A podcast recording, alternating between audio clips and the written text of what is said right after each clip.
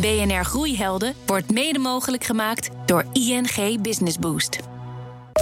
BNR Nieuwsradio. Groeihelden. Meindert Schut. Bedenken, bouwen, zweten, vallen, opstaan, groeien en stug blijven doorgaan. Welkom bij BNR Groeihelden met vandaag werken tot je er bijna bij neervalt. Is het nou normaal om 80 uur per week met je bedrijf bezig te zijn? Hoe herken je dat het elastiekje op het punt staat te knappen? En zijn groeiondernemers eigenlijk wel in staat om nee te zeggen? En dit zijn de groeihelden van deze week. Deze week. Hij werkte jarenlang voor Bink toen hij de tijd rijp achtte om op eigen benen te staan. Zijn bedrijf ontwikkelt software voor financiële instellingen. Maar nu, na tien jaar keihard werken, vindt hij het mooi geweest. Chris Sade van Open, welkom. Met hoeveel procent zijn jullie in 2018 gegroeid? Ongeveer 30. Sinds de eerste dag 30% per jaar. Aan de andere kant van de tafel een man voor wie ooit geen berg te hoog was. Als ambitieuze jonge hond richt hij diverse internetbedrijven op. Tot het moment dat zijn lichaam zei tot hier en niet verder. Een burn-out dus. Sebastian Mennes van cutthecrap.me. Ook jij van harte welkom. Leuk dat jullie er zijn. Dankjewel. Chris, uh, jij werkte tien jaar voor Bink. Daarna richtte je Open op. Een eh, bedrijf dat nu zo'n 150 mensen telt. Even naar jouw werkweek van toen. Hoe zag die eruit? nou ja, uh, op uh, maandag was ik uh, niet voor half elf thuis. S'avonds. S'avonds. Op dinsdag hetzelfde. Op woensdag iets eerder, om tien uur. En dan op donderdag zeg 9 uur. En dan vrijdag ging ik om 6 uur naar huis. En zondag ging ik ook naar kantoor. En ging ik gewoon van, nou, zeg van 10 tot 6. Dus pakte ik 8 uur. En uh, ik denk dat ik van de 500 weekenden... dat ik er 300 op kantoor ben geweest. Jeetje, ja. Zaterdag ja. en zondag. En als ik het goed begrijp, had je dus vrijdag een soort vrije middag. Ja, vrije middag. Uur. Ja, ja. We hadden ook al het de practical joke... dat uh, als ik of mijn, een van mijn partners om, uh, om, om half acht naar huis ging... dan zeiden we van, heb je wel een halve dagformulier ingevuld? Ja, ja. Dat, dat zeiden we wel tegen elkaar. En dat, overigens was het ook al twintig jaar geleden bij Bink zo... dat als iemand om acht uur naar huis ging... dat zei, geef je even aan HR je vrije dagformulier. Dus, ja, ja, dus, ja. dat was de mentaliteit. Die was gewoon dus van keihard werken en maar door blijven gaan. Dan heb je ook vrienden, familie, uh, uh, gezin. Hoe, hoe gaan die daar allemaal mee om? In die tijd in elk geval. Ja, nou ja, heel veel vrienden, vriendschappen zijn verwaarloosd. Dus heel veel mensen, ja, die zie ik ook niet meer. En uh, nou, dat komt volledig door mij. Omdat ja. ik gewoon altijd afspraken afzei en nooit tijd had. En ik denk dat familie heeft er altijd wel een beetje, heeft toch altijd iets meer begrip. Dat je toch een bloedband. En uh, ja. die vinden het wel jammer, maar dat uh, haal je ergens wel weer in. En uh, ja, je partner die moet het ook wel gaaf vinden, de, de kwaliteiten die je hebt. Want anders gaat het zeker mis. Dus mijn, mijn vrouw die was altijd heel erg supportive. Maar die zei wel vaak van... Zou je niet iets rustiger aan doen? Dat heeft ze denk ik 5000 keer gezegd. en uh, als man uh, luister je niet met nee. de eerste keer. Dus uh, 5001 dacht ik, nou, misschien heb misschien je een heeft ze gelijk. Ja. Uh, Sebastian, herken je dit schema? Zeven dagen per ja. week gewoon keihard bezig zijn ja. met je bedrijf? Ja. Ja, ik herken het echt volledig. En ik heb zelfs ook momenten gehad dat ik dan... Want dan wilde ik sporten en dan ging ik s'nachts hardlopen naar huis. En dan kwam er een politiebusje zo naast me rijden. Zo van, wat, wat ben jij aan het doen? echt serieus. Dus ik, ik herken het heel erg. Ja, ja die dacht dat je met een rugzakje ja, met dacht, uh, ja, ontvreemde spullen op pad Zeker. was waarschijnlijk. Zeker, ja. En kun je ons dan meenemen naar het moment waarop het voor jou echt, echt misging? Hè? Was dat een, een geleidelijk pad? Het was wel een geleidelijk opeens? Nee, het was wel een geleidelijk pad waarin ik echt een slechte versie van mezelf werd. Waarbij mensen ook tegen mij zeg, zeiden, hè, dus de mensen dichtbij, mijn familie, mijn vrienden van, joh, gaat het wel goed met jou? En wat er dan gebeurde was dat ik het, ik wilde dat niet zien. Maar, maar zij hadden dus door. Zij hadden door, want ik werd prikkelbaar. Ik werd ja, een beetje een, beetje een grumpy mannetje die, die heel erg uh, kort voor de kar was. Oei, dat heb ik ook zoals.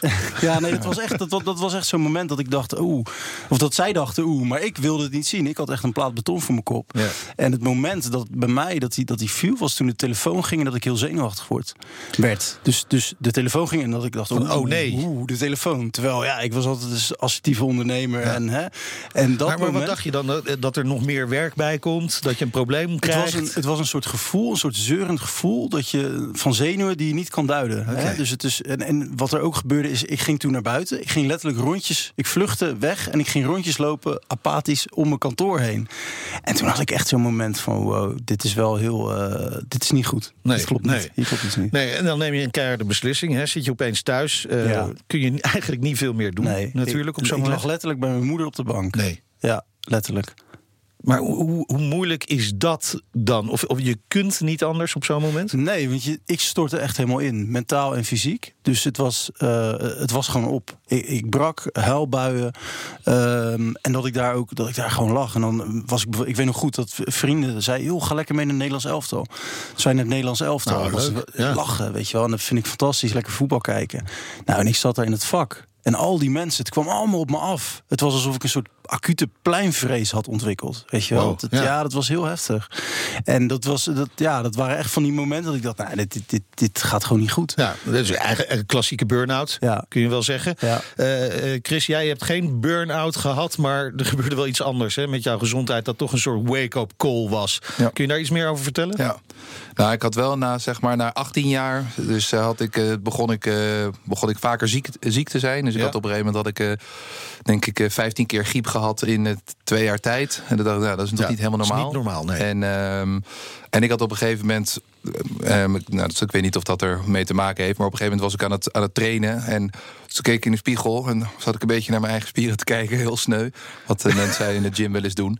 En toen zag ik, zag ik mijn rug. En dacht ik, hé, hey, zo breed ben ik ook weer niet. en en uh, toen zag ik dat er iets groeide. Oké. En, uh, en dat was een. Uh, nou, uiteindelijk bleek dat zeg maar. Een, uiteindelijk bleek het een goedaardige tumor te zijn. Okay. Maar ik had een, een plek van 10 bij 10 centimeter bij 4 centimeter. Dus dat is dus echt een huge ja. ding. Dus ik dacht nog heel even dat ik. Maar die had je niet eerder ontdekt? Nee, nee. Dus, dus en toen, omdat het zo snel groeide, uh, ja, kreeg ik eigenlijk overal voorrang en lag ik binnen twee weken op de operatietafel. Dus twee weken hebben we wel in, in onzekerheid gezeten. En, uh, maar toen ik, ik was, ik werd op donderdag geopereerd, onder narcose. Nou, en, en heel goed geslapen daarna, want dan zit je nog een beetje onder narcose. Vrijdag prima. En zaterdag ben ik gewoon naar kantoor gegaan. Omdat het gewoon mijn, mijn automatisme was om dat ja, zeg maar te doen. Uh, dus, en toen voelde ik me niet zo lekker. Toen ben ik toch zondag maar even een middagje gaan Netflixen. En toen ben ik gewoon weer doorgegaan. En toen, uh, ja, toen op een gegeven moment toen was ik met mijn vrouw aan het praten. En toen dacht ik, hé, hey, dit... Dit is niet goed. Dus toen heb ik op dat moment ook besloten om een plan te maken. Om, eh, om, ja, om andere dingen te doen. Om rustiger aan te doen ook. Ja, ik heb een plan gemaakt. We hebben twee jaar gewerkt eigenlijk met iedereen bij het bedrijf. We hebben mensen aangenomen, nieuw management. Iedereen ingewerkt. En sinds 1 januari uh, ja, heb ik een beetje afstand kunnen, kunnen nemen. Dus dat was wel de trigger dat ik dacht. Ja, maar, maar was dat alleen de trigger of, of relateerde je die tumor ook aan het harde werken? Ja, zeker. Ik wel, ja. Ik geloof zeker in de, in de, in de connectie tussen lichaam en geest. Ik, ik doe al 15 jaar yoga en ik mediteer iedere mm -hmm. dag.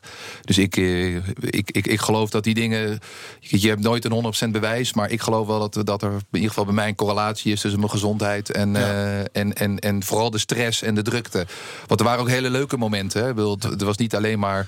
Nee, natuurlijk. De, de, de, de, drukte was ook heel erg gaaf ja. om met een, met een ploeg iets te, iets te bouwen. Alleen uh, ja, op een gegeven moment begon de roofbouw wel een beetje parten te spelen. Ja, maar wel, als je het niet leuk vindt, hou je het ook nooit vol nee. om zo lang zo hard te werken, natuurlijk. Ja. Maar het, was, het waren dus hele mooie momenten. Maar aan het einde was het een beetje van... oké, okay, ik moet nu echt, echt andere dingen gaan doen. Ja. En uh, ja, ik merkte gewoon dat mijn gezondheid eronder ging... Ja, ja. Maar goed, je hebt nu twintig jaar echt bizar hard gewerkt. Ja. Dat zul je zelf misschien ook wel uh, erkennen. Ja, zeker. Dat dat best wel bizar is, hoe leuk je het ook hebt gevonden. Ga je nu twintig jaar rustig aan doen? nou, ik denk dat ik, denk dat, ik dan, uh, mor dat ik dan morgen gescheiden ben. Als ik, als, als ik iedere dag alleen maar thuis ben... gek van dan je. zegt ze, ga alsjeblieft wat doen. Dus nee, dit jaar is een soort overgangsjaar. Dus dan ga ik de, de mensen die bij Open de, de kar moeten trekken, die ga ik uh, helpen en begeleiden. Maar, maar met uh, zeg maar een normale werkweek. En, uh, en, en steeds iets meer afstand nemen. En ik wil gewoon ook weer met technologie bezig zijn. Ja. Heel veel dingen daar hadden we het net ook over. Op een gegeven moment ga je, ga je heel erg managen als het, als het groot wordt. Ik bedoel, de, de eerste jaren bij Bink zaten we met 20 man. En de eerste jaren bij Open zaten we met 20 man. Ja, dan ben je echt nog ondernemer ja, en dingen aan het bouwen. Ja, dan bouw je dingen samen en dan doe je het samen. En op een gegeven moment heb je allerlei nou, eierdossiers op je bureau. En dan moet je het over de verzekeringen hebben. En, en, uh, en ik, ja, dat vind ik ook veel minder leuk. Dus ik ben ook nu, ook al binnen Open, zijn we met een soort lab bezig... waarin we ook nieuwe producten ontwikkelen.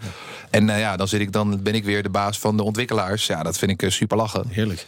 Ja, dit uh, klinkt heel herkenbaar. De, de, de, transitie van bij mij was het echt van mijn hobby mijn beroep maken. Op een gegeven moment ben je dan lekker aan het freewheelen. Dat is waar het om gaat. Dat is wat echt gaaf is. En dat herken ik heel erg in jouw verhaal. En ik ben toen, uh, uiteindelijk heb ik een partner gezocht en mensen aangenomen. En eigenlijk de dagelijkse leiding uit handen gegeven. Ik kwam er heel snel achter dat ik geen operations guy ben. Ik ben echt de ondernemer erachter. En ook ja, de tech guy die het leuk vindt om te tweaken en te, te klooien. Zeg maar. maar dit, dit is belangrijk volgens mij. Hè? Want heel veel ondernemers herkennen dit. horen we zo vaak. Die, die vinden het heerlijk om te ondernemen, maar op een gegeven moment moeten ze gaan managen. En ze maken bijna allemaal de fout dat ze daadwerkelijk gaan managen. Dat is echt een classic, ja. Ja. en ik weet, ik heb, ik heb ook zelf moeten inzien dat ik niet. Ja, wat dat betreft ben ik daar niet voor in de wieg gelegd. En, en dat is wel een stuk. Hè, wat ik dus ben gaan. Ik ben heel erg. Uh, reflectie is voor mij heel belangrijk geworden. Gewoon even neerzetten. Telefoon weg, laptop weg. Even gaan zitten, stuk papier. En even gewoon gaan brainstormen. Mindmappen, dingen opschrijven. Weet je, dat je even die, die, die helikopterview neemt. Over je leven, over je carrière, over je onderneming.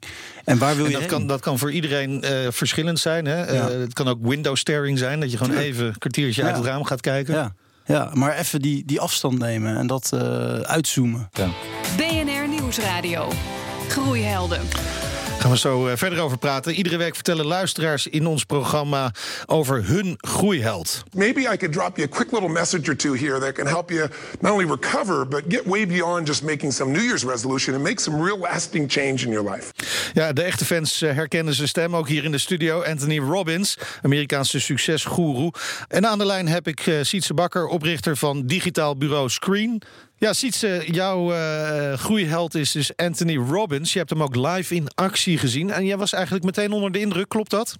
Ja, dat klopt. Nou was ik natuurlijk al uh, uh, onder de indruk van hem. omdat als je naar zo'n seminar gaat, dan moet je diep in de buidel tasten. maar het was het geld meer dan waard. Dus absoluut indrukwekkende ervaring. Ja, over diep in de buidel tasten, wat, waar moet ik aan denken dan? Nou, als je op de eerste rij wil zitten, dan uh, moet je denken aan een bedrag van vijf cijfers. Iets verder achter in de zaal kom je al gauw rond de 1500 dollar uit. Maar dan ben je er nog niet, want dan moet je naar Amerika vliegen, hotel. Dus uh, uiteindelijk is het een uh, prijzig tripje geworden. Ja, dan moet je dus wel ervan overtuigd zijn dat het de moeite waard is om daar naartoe te gaan. Kun, kun je schetsen hoe het er tijdens zo'n show van hem aan toe gaat? Nou, het is een programma van drie dagen. Hij doet niet alles uh, zelf, omdat uh, zijn stem dat niet meer aan kan. Maar de dagen die hij zelf doet, ja, dan zit je gewoon twaalf uur lang uh, met een paar hele korte pauzes ademloos te luisteren. Of je staat op je stoel te zwingen en te dansen. Uh, normaal zou je denken 12 uur, dat houdt geen mens vol. Maar uh, er zaten 2500 mensen in de zaal uh, die aan het einde nog steeds vol energie zaten om door te gaan. En toen was het al 1 uur s'nachts. Kijk, kijk, dus hij brengt wat in beweging. De man heeft duizend en één tips voor mensen die iets van hun leven willen maken. Welke daarvan zou je met ons willen delen? Nou, wat ik heel interessant vind is dat hij zes uh, uh, emotionele behoeften heeft uh, uiteengezet die eigenlijk iedereen heeft. maar iedereen legt zijn prioriteiten anders. dat zijn groei, liefde, zekerheid, afwisseling, significantie en contributie. Hè, de behoefte om te geven. en wat ik eigenlijk heb geleerd is dat als je probeert mensen beter te begrijpen, dat je je dan af moet vragen welke van die zes is nou de grootste drijvende kracht uh, uh, bij een persoon. En op die manier kun je heel makkelijk conflicten oplossen. Uh, niet alleen in werksfeer, maar ook, ook in je privéleven. Dankjewel, Sietse Bakker van digitaal bureau Screen. BNR Nieuwsradio. Groeihelden. Groeien, dat wil natuurlijk elke ondernemer. Maar het kan ook behoorlijk veel stress opleveren. Chris Sade van uh, Open en Sebastian Mennis van Cuttercrab.me. Die weten daar alles van. In deze uitzending praat ik met ze over een gezonde work-life balance voor groeiondernemers. Uh, Sebastian, ondernemers die als gevolg van stress uitvallen. Hè? Hoe, mm -hmm. hoe groot is dat probleem in Nederland eigenlijk? Ja, Weten we daar iets van? Ja, dat is huge. We zijn in Nederland met 7,5 miljoen mensen bijna. Ja. De helft daarvan is de beroepsbevolking. Ongeveer een derde daarvan, dus 31 procent, kampt met hoogmaat van stress. Dus dat zijn 2,8 miljoen mensen. Die, die, te veel stress die hebben. Dus, ja, die, die echt werkdruk, die hoge werkdruk ervaren. Ga je dan verder kijken, dan is het zo dat 1 op de 7 mensen in Nederland, dus, of 1 op de 7 werkenden in Nederland, dus dat is ongeveer bijna anderhalf miljoen mensen, die lopen rond met burn-out symptomen. Vaak okay. ook zonder dat ze het zelf beseffen. Ja, ja. Want maar, maar, wat zijn die symptomen dan? Dat je inderdaad, dat, dat je het gevoel dat je gewoon in je bed ligt, dat je niet kan slapen, omdat okay. je helemaal. Hè, dat je. Dat je ja, maar dat is langdurig dan, hè? Want iedereen kent wel eens een nacht dat hij niet kan slapen, Tuurlijk, dat het tuurlijk. werk door blijft eh, gaan in het hoofd. Maar je moet het zo zien, als stress langer aanhoudt, dan op een gegeven moment loop je gewoon vast. En dan krijg je dus inderdaad van die klachten zoals je inderdaad dat je gewoon een slechte versie van jezelf wordt en dat je apathisch buiten rondjes gaat lopen. en Vluchten van je werkplek. Maar dat, Ja. dat, dat, ja, ja, dat, is wel een goed signaal. ja, dat is wel ja. eh, iets wat je serieus moet nemen. Ja, ja. eh, ja, want ik zei het al, hè, stress kan natuurlijk ook goed zijn. Hè. Heel veel ondernemers die, die gedijen gewoon bij een beetje stress. Je hebt het misschien Ja. ook wel nodig, kan ik me voorstellen, om, Ja. om die groei te vinden, Ja. om, om door te kunnen blijven gaan. Eh, hoe herken je nou bij jezelf dat je toch echt even iets rustiger aan moet doen? Nou, ik denk dat eh, een burn-out zie ik vooral als een energieprobleem. Hè. Je doet meer dingen die je energie kosten dan dat ze je energie opleveren. Ja. En dat gaat op een gegeven moment schuren. Dus je voelt van, hé, hey, er- klopt iets niet. Er- is, gaat iets niet, niet goed. En ik denk dat dat dingen, dat signalen zijn die je echt serieus moet nemen. Als je ook het gevoel hebt dat je met tegenzin naar je werk gaat. Dat je denkt, oh fuck, het is weer maandag. Dan gaan we weer, we moeten Ja, weer. Dat, dat moet je niet hebben. Nee, en het is eh, hè, van wat jij zegt, van dat, dat echt gaan en met passie. Dat je gewoon, want dat herken ik heel erg bij jou. Dat je gewoon vol gaat erin. Vol Ja, ik zou willen dat je tegen mij aankeek, maar het Sorry, naar ja. Chris. Eh, ik moet het eerlijk bekennen, Chris. Ja, die passie, maar dat is wel belangrijk. Hè? En, en is dan een van de oplossingen om meer werk gewoon uit handen te geven? Wat jullie eigenlijk allebei hebben gedaan, hè? Ja, ja. Nou ja, ik denk ook. Leren delegeren. Ja, delegeren, ja. ja. Nou ja, en ik denk ook dat er, er zijn allerlei technieken om... eh, kijk, uiteindelijk is stress is, eh, aanpassing van je, van je hormonen. Hè, je zenuwstelsel die op een andere manier gaat reageren... dan dat die moet reageren. En dat is wel degelijk te sturen. Hè. Je, Anthony Robbins is daar heel goed in. Die heeft allerlei technieken die je daarvoor kan gebruiken. En eh, dus ja, ik doe dat zelf. Hè. Dus ik, ik, ik mediteer iedere dag. En ik doe drie keer per week aan, aan yoga. En ik voel oprecht dat mijn, dat mijn energieniveau verandert. Dat mijn stress verlaagt. Dat, hè, dat mijn, ja, je voelt En heb je daar ook lessen voor gehad Ja. of heb je dat zelf Ja. bedacht? Nee, Oké. daar heb ik lessen voor gehad. Dus ik ben eh, ja, eigenlijk op heel veel plekken in de wereld heb ik eh, cursussen gevolgd. En, eh, en, en bij ons op kantoor, eh, we hebben, ik heb een gym gebouwd van 300 vierkante meter op het Rokin. En eh, daar komen ook mensen lesgeven. En ik zeg het ook tegen andere mensen. Hè. Ik had, eh, je ziet dat sommige mensen leven heel ongezond. Ik had één, ik had één medewerker, dit zal die leuk vinden dat ik dit zeg. die, die was op een gegeven moment heel erg, heel erg groot geworden, heel erg dik en zwaar. En IT'ers die, die zijn een fan van Monster Energy. En, en op een gegeven moment zei ik tegen hem: joh, waarom ga je nooit naar de gym? Zei hij: Ja, nou, ik, ik vind het wel leuk. Ik ga wel een keer. Ik zeg: Nou, volgende week hebben jij en ik een gesprek. En jij mag kiezen welke. Of we hebben het gesprek: hoe was de gym? Of we hebben het gesprek, waarom ben je drie keer zoveel ziek als alle andere mensen? Jij mag kiezen. Zei hij, nou, die gym, dat lijkt me wel wat. En is hij dus eh, naar de gym gegaan. En heeft hij begeleiding gehad van personal trainers en eh, voedingsdeskundigen. En, nou, en een aantal maanden later heeft hij me ook bedankt... dat hij kon voor het eerst in zijn leven zijn eigen kind optillen.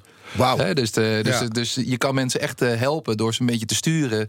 En te, te helpen met eh, meditatie en Ja. sporten en eh, rust. En mensen naar huis sturen. Als je de, nou, dus ik probeer daar bij maar- mezelf, maar ook bij de mensen op kantoor een beetje hoe mee te laat helpen. ga jij nu naar huis als je van kantoor komt? En kun je dan ook gewoon voor jezelf zeggen: Weet je wat, ik ga even lekker binge-watchen of zo? Ja, nou, ik denk dat, ik denk dat eh, de key is je telefoon. Hè? Want to- toen we twintig jaar geleden werkten, wij zijn wat ouder. Dus toen wij werkten, hadden we nog geen eh, mobiele telefoon.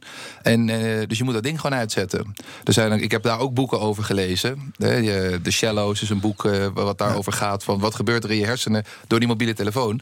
Dus ik probeer hem af en toe eh, echt uit te zetten. Ik ben, ik ben vorig jaar naar Kamalaya geweest in Thailand. Een eh, Schitterend. hotel eh, retreat eh, voor dit soort dingen. Ben ik tien dagen geweest. Ik had mijn telefoon uit. Nou, ik, je krijgt helemaal, eh je krijgt helemaal afkikverschijnselen. Maar je gaat letterlijk, je kijkt ook constant. Je wilt hem ook Ja. de tijd pakken en dan is hij er niet. Dan ligt hij op je kamer. ik heb wel eens dat ik hem voel in mijn broekzak terwijl die daar helemaal ja, niet zit. precies. Dat Ja. craving, hè? heel dat herken Ja. ik wel. Ja. Ja. Ik had het ook met eh, social media. Dat je, ik was op een gegeven moment was ik heel de tijd met die Facebook duim, weet je wel, Ja. mindless door mijn tijdlijn aan het scrollen. Dus ik heb op een gegeven moment heb ik gezegd, joh, al die sociale media apps gewoon weg. Dus ik ben in plaats daarvan, ik heb alles van mijn telefoon afgegooid en ik ben in plaats daarvan ben ik eh, gezondheidsapps. Dus ik ben zo'n, ik zeg altijd, ik ben een nerd met een Apple Watch en een Fitbit. Maar ik ben dus bijvoorbeeld mijn slaap gaan monitoren. Dus van, want slaap was voor mij echt een ding. Ja. Ik had echt zoiets, slaap dat is zinloos, dat is nutteloos. Dus ik ben het gaan monitoren en vanaf het moment dat ik dat ben gaan doen, slaap ik dus meer. Dus het is, het is eigenlijk heel gek. Dat het, Nee, je hebt wel zo'n ding om je nek nodig. Dat je zo ziet. Ja. Dus Sorry? Klinkt een beetje eng hoor. ja, nee, omdat hij dus helemaal vol zit met die, Ja, fit, ja. Met die Fitbits. Ja. Fitbits. Ja, even. Helemaal, ja. ja. BNR Nieuwsradio. Groeihelden. Ja, we krijgen hier allerlei tips en uh, dingen om het nek. Nou goed, uh, we zullen zien. Uh, groeien zonder dat je opgebrand geraakt. Daar gaat het over in deze aflevering van BNR Groeihelden. Straks daarover meer. Nu is het tijd voor onze wekelijkse mini-masterclass... met deze keer Rutger Prent over de beste momenten van je dag. We hebben het in deze rubriek al vaker gehad over werken aan je bedrijf en hoe je dat als ondernemer nou het beste kunt doen. Maar ik wil het ook graag nog even hebben over uh, welke uren of welke momenten van de dag jij eigenlijk gewoon over het algemeen tot je beste prestaties komt. Laten we even zeggen dat het gaat om anderhalf tot twee uur per dag. Het moment op de dag dat je op je allerbest bent. Fris, scherp, geconcentreerd. Ik hoor heel vaak dat mensen zeggen of het is avonds laat. Want dan ligt iedereen op bed. Uh, de rust is weer gekeerd, dus kan eens eindelijk even rustig nadenken. En ik hoor een heleboel mensen om precies diezelfde redenen dat in de ochtend noemen. Nu gaat het in deze uitzending over het feit dat je je niet over de kop moet werken. Dus laten we even inzoomen op die ochtend. Heel veel mensen zeggen dat hun beste tijd zo ergens tussen de 9 en 11 uur ligt. Heel goed als je dat voor jezelf weet. Want dat zijn vaak de momenten dat je iets moeilijks waar je wat meer over na moet denken. Ja, even goed voor jezelf wil overdenken. Vaak moet je daar of een presentatie voor maken. Nou, een, een impactvolle mail waarin je de deel van het leven kan, uh, kan maken. Maar waar je gewoon eventjes goed voor moet zitten. En uh, nou, waar je gewoon fris voor in je hoofd moet zijn. Tussen 9 en 11 dus. Ja, dan zou het toch zonde zijn om dat eerste deel van de ochtend helemaal vol te stoppen met meetings. Plan die liever na 11 uur bijvoorbeeld. En zorg ervoor dat je de echt belangrijke dingen, waar je concentratie bij nodig hebt, al voor die tijd hebt aangepakt. Dus ook dingen waar je niet per se heel vrolijk van wordt, dat het je eigenlijk veel minder moeite kost om even door te zetten en het toch af te maken.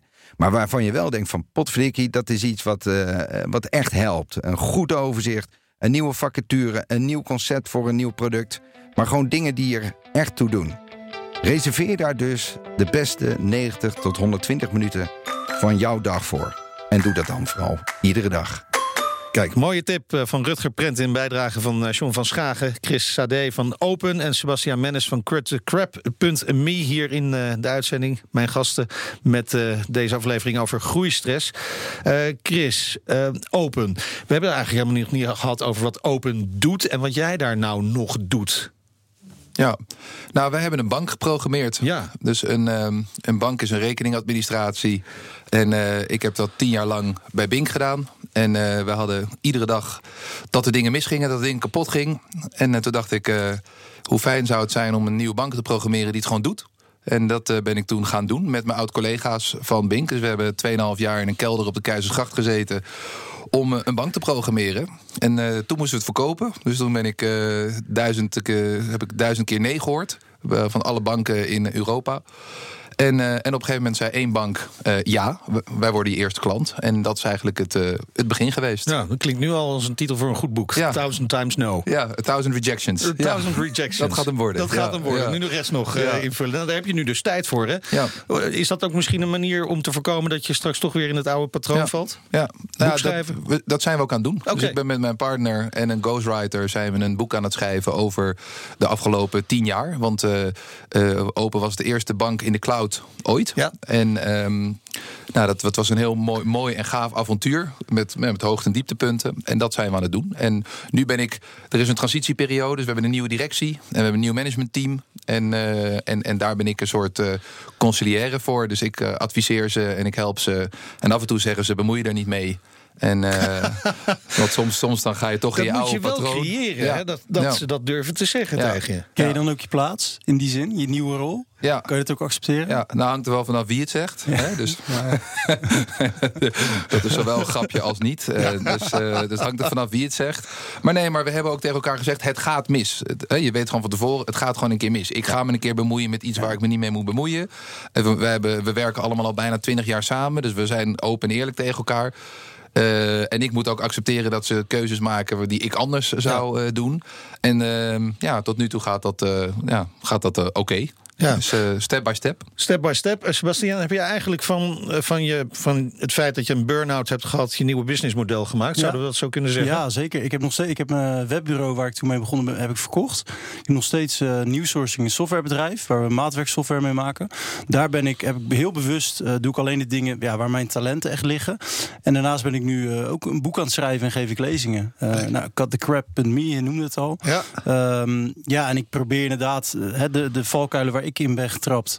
Uh, mensen te behouden dat ze daar ook in trappen. Ja, ik, ik, kan me dan voorstellen dat je dan ook uh, tips zoekt van andere ondernemers. Ja, ja en zo was ik uh, na, vorig jaar bij een congres waar ik John de Mol tegen het lijf liep. Boost. Ja, klopt inderdaad in Rotterdam. En um, nou ja, dus ik zei meneer de Mol, ja, ik stond in het dagprogramma en ik heb een burn-out voor, voor mijn kiezer gehad. Ja, heftig, echt heftig verhaal joh. En ik zei ja, ik had van mijn hobby mijn beroep gemaakt. Nou, dan deed je toch niet wat je echt leuk vond, Ah, waar je okay. echt je hart ligt. Want jullie, hij zei ook van uh, studenten die kiezen heel vaak een, een, een, studie. Juist, maar ja, want daar kan je geld mee verdienen. Hij zegt, het gaat er juist om dat je iets doet waar je echt, waar je hart ligt. En hij zegt, ik krijg nooit een burn-out. Er gaat heel veel over mijn bureau en heel veel. Ik ben altijd aan het werk. Ja. Maar ja. Nou, nou, zorgt hij er ook wel voor dat hij een beetje afgeschermd wordt. Ik weet ja. uh, dat, ja. dat hij moeilijk benaderbaar is. Ik ben gewoon hem toegelopen. Ja, ja. ja, het is, ja.